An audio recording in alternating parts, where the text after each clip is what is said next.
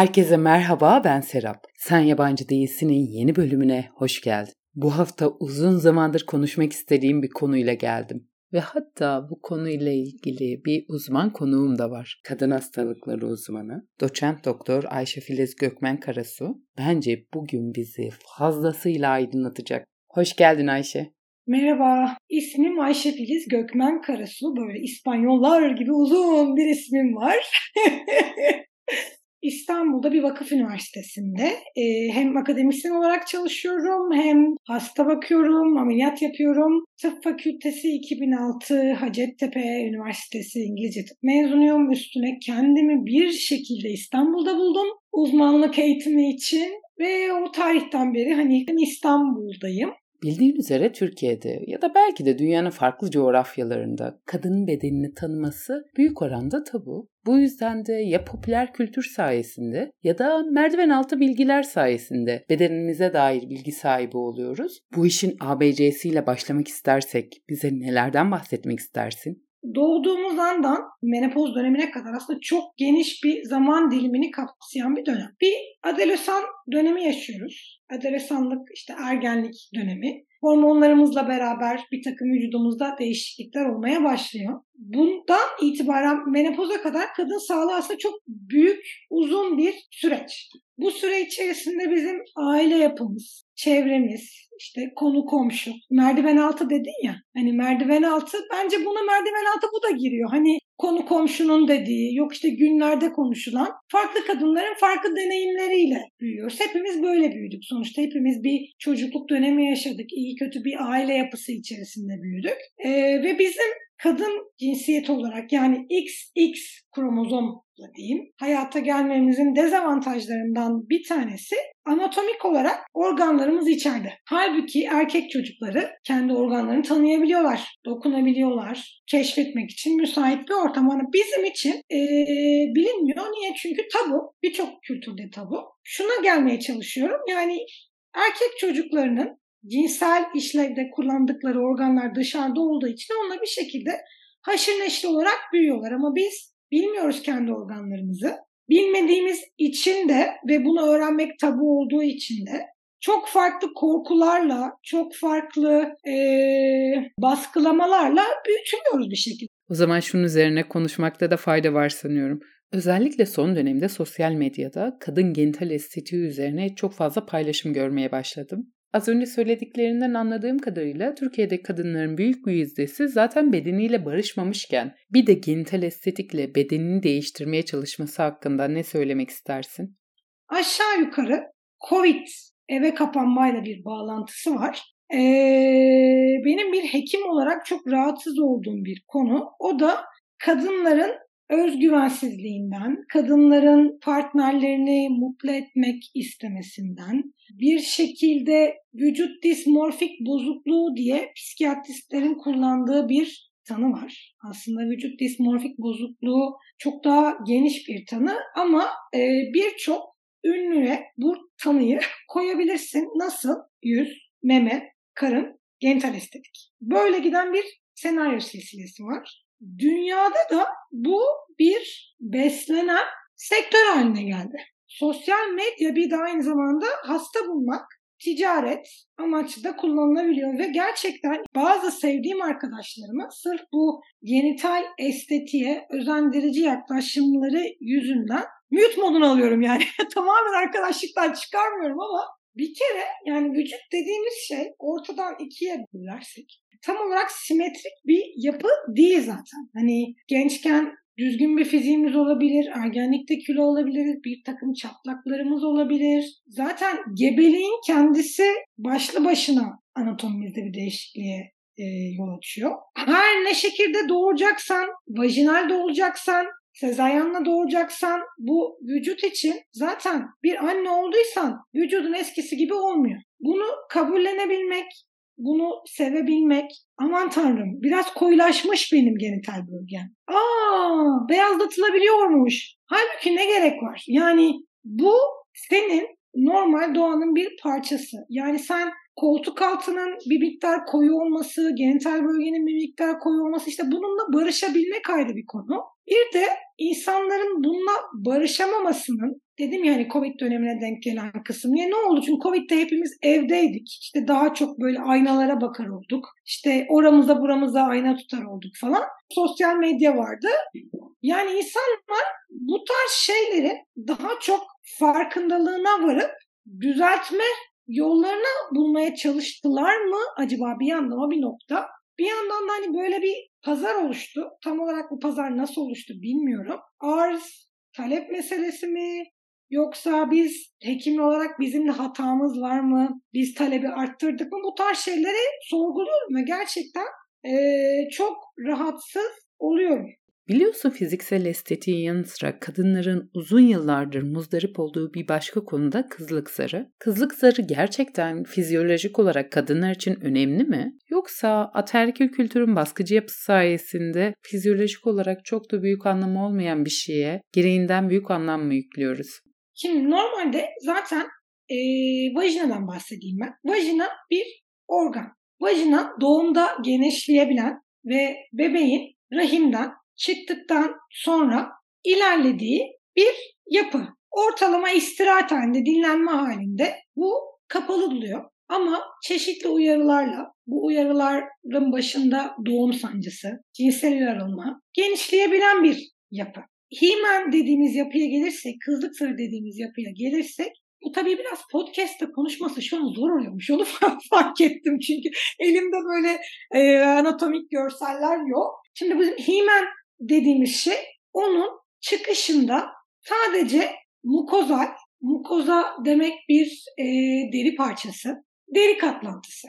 Ve aslında normalde fizyolojik olan sağlıklı cinsel bir birliktelikte severek istiyorsun, cinsel uyarılmayı yaşamışsın. O vajina genişlediği için sağlıklı olan zaten ilk gece, ilk birliktelikte bir kanamanın olmaması.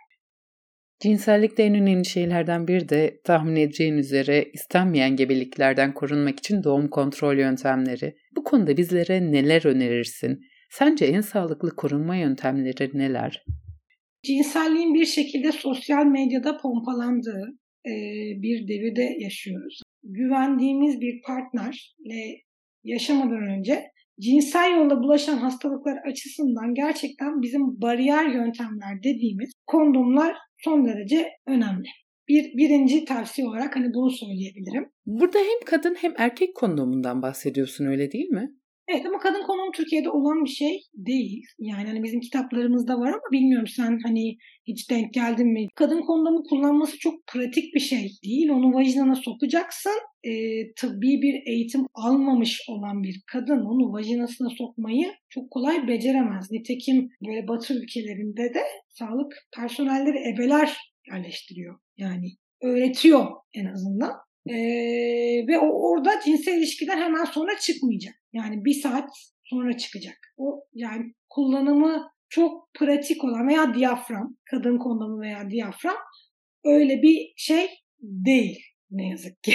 Keşke olabilse. Prezervatifler de tabii ki yani çok ekonomik şeyler değiller ama yine de birçok açıdan bence güvenli kontraseptif yöntemler. Yine böyle cinsellik hayatımıza girince düzenli bir partnerimiz varsa kullanabileceğimiz tabii ki başka yöntemler de var. Bunların başında bizim e, çeşitli tıbbi endikasyon gerekçe e, demek. Reçete edebildiğimiz doğum kontrol hapları var. Doğum kontrol hapları e, doğum kontrol dışında da birçok avantajı var. Ama tabii ki her gün içmemiz gerekiyor. Her gün aynı saatte içmemiz gerekiyor. Bir de yine olay ekonomiye bağlanıyor.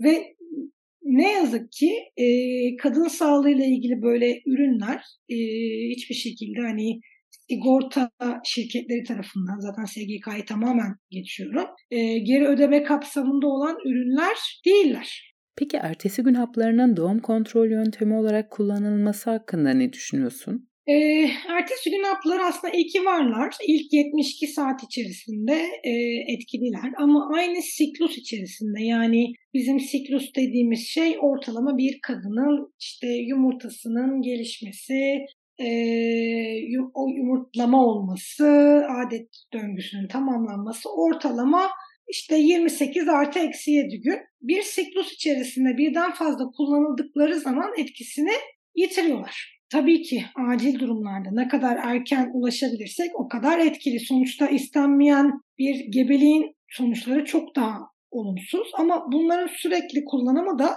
hem etkinliğini azaltıyor hem de e, kadınlar üzerinde bir gereksiz hormon yükü diyebilirim. E, artı bunu takip eden adet dönemlerinde ister istemez düzensiz bir kanamaya yol açıyor.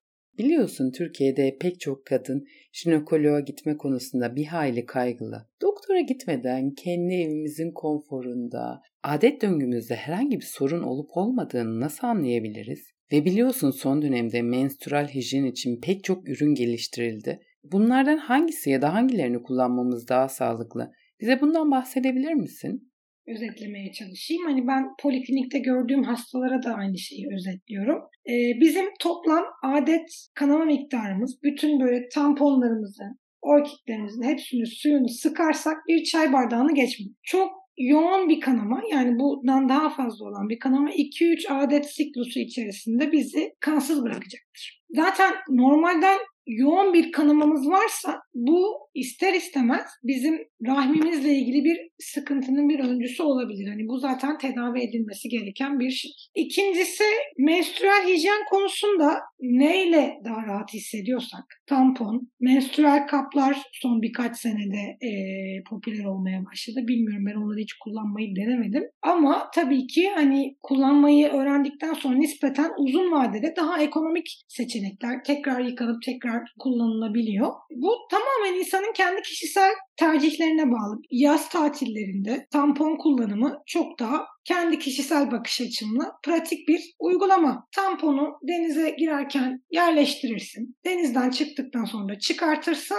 Mis. Tampon kullanmak kadınlarda biraz kaygı uyandırıyor. O yüzden de bu konuyla ilgili yaptığın açıklama çok kıymetli. Çalıştığım şu anki kurum itibariyle böyle Türkiye'nin her yerinden İstanbul'un her yerinden farklı kültürel yapıda insanlarla karşılaşabiliyorum. Birkaç soruyla zaten ben hastayla bir 30-45 saniye geçirdikten sonra onun aşağı yukarı hayata bakış açısını sezinleyebiliyorum. Ben bu tavsiyeyi herkese veremiyorum. Peki bakire olmayan bir kadın da tampon kullanabilir mi? Tercihlerine bağlı. Benim mesela poliklinikte karşılaştığım çok hasta var. Kendi elini e, vajinasına sokamıyorsa bir tampon yerleştiremeyebilir. Hani her ne kadar kendisi böyle e, kendini geliştirmiş, kültür seviyesi yüksek bir insan olsa da hani ister istemez çok küçüklük çağından bilinçaltına ekilen e, şeyler oluyor ama hani şunu ben söyleyebiliyorum. Tampon soktun diye bu senin e,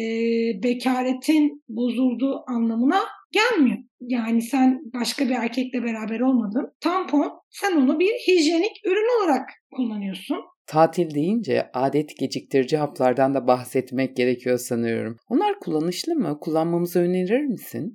Onun da şöyle bir sakıncası var. Bizim işte adet geciktirici, söktürücü diye verdiğimiz ilaçların hepsi e, aslında bir nevi düşük doz bir hormon ilacı. Hormonlar güzel şeyler. Hani biz onları ilaç olarak da kullanıyoruz ama sıkıntı şurada onun bir garantisi olmuyor. Yani ben sana gerdek gecende planladığın işte tatilde kanamayacağının bir garantisini veremiyorum. Bizim tıpta kırılma kanaması veya çekilme kanaması olarak açıkladığımız kanamalar oluyor.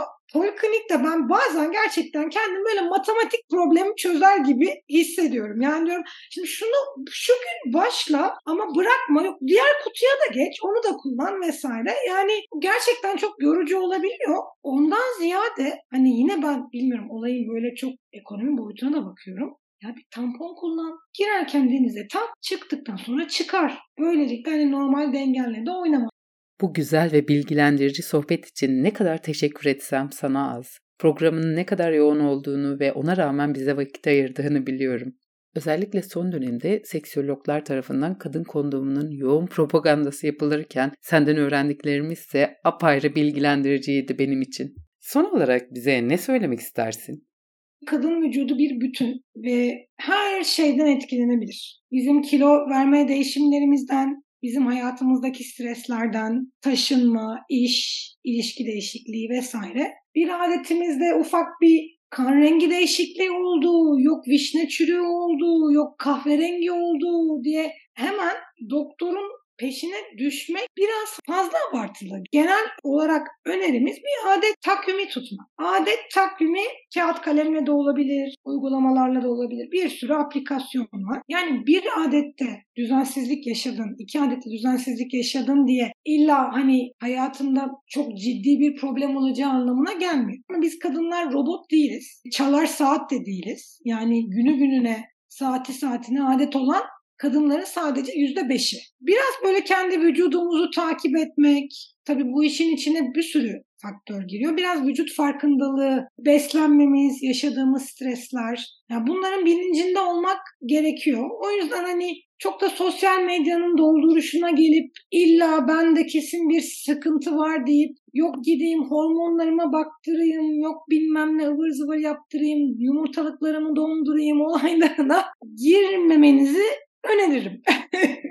Doktorlarımızla maalesef dostane ilişki kuramıyoruz. Bu yüzden de şu an bize anlattıkların ve bu samimiyetin o kadar kıymetli ki gerçekten tekrar çok teşekkür ederim.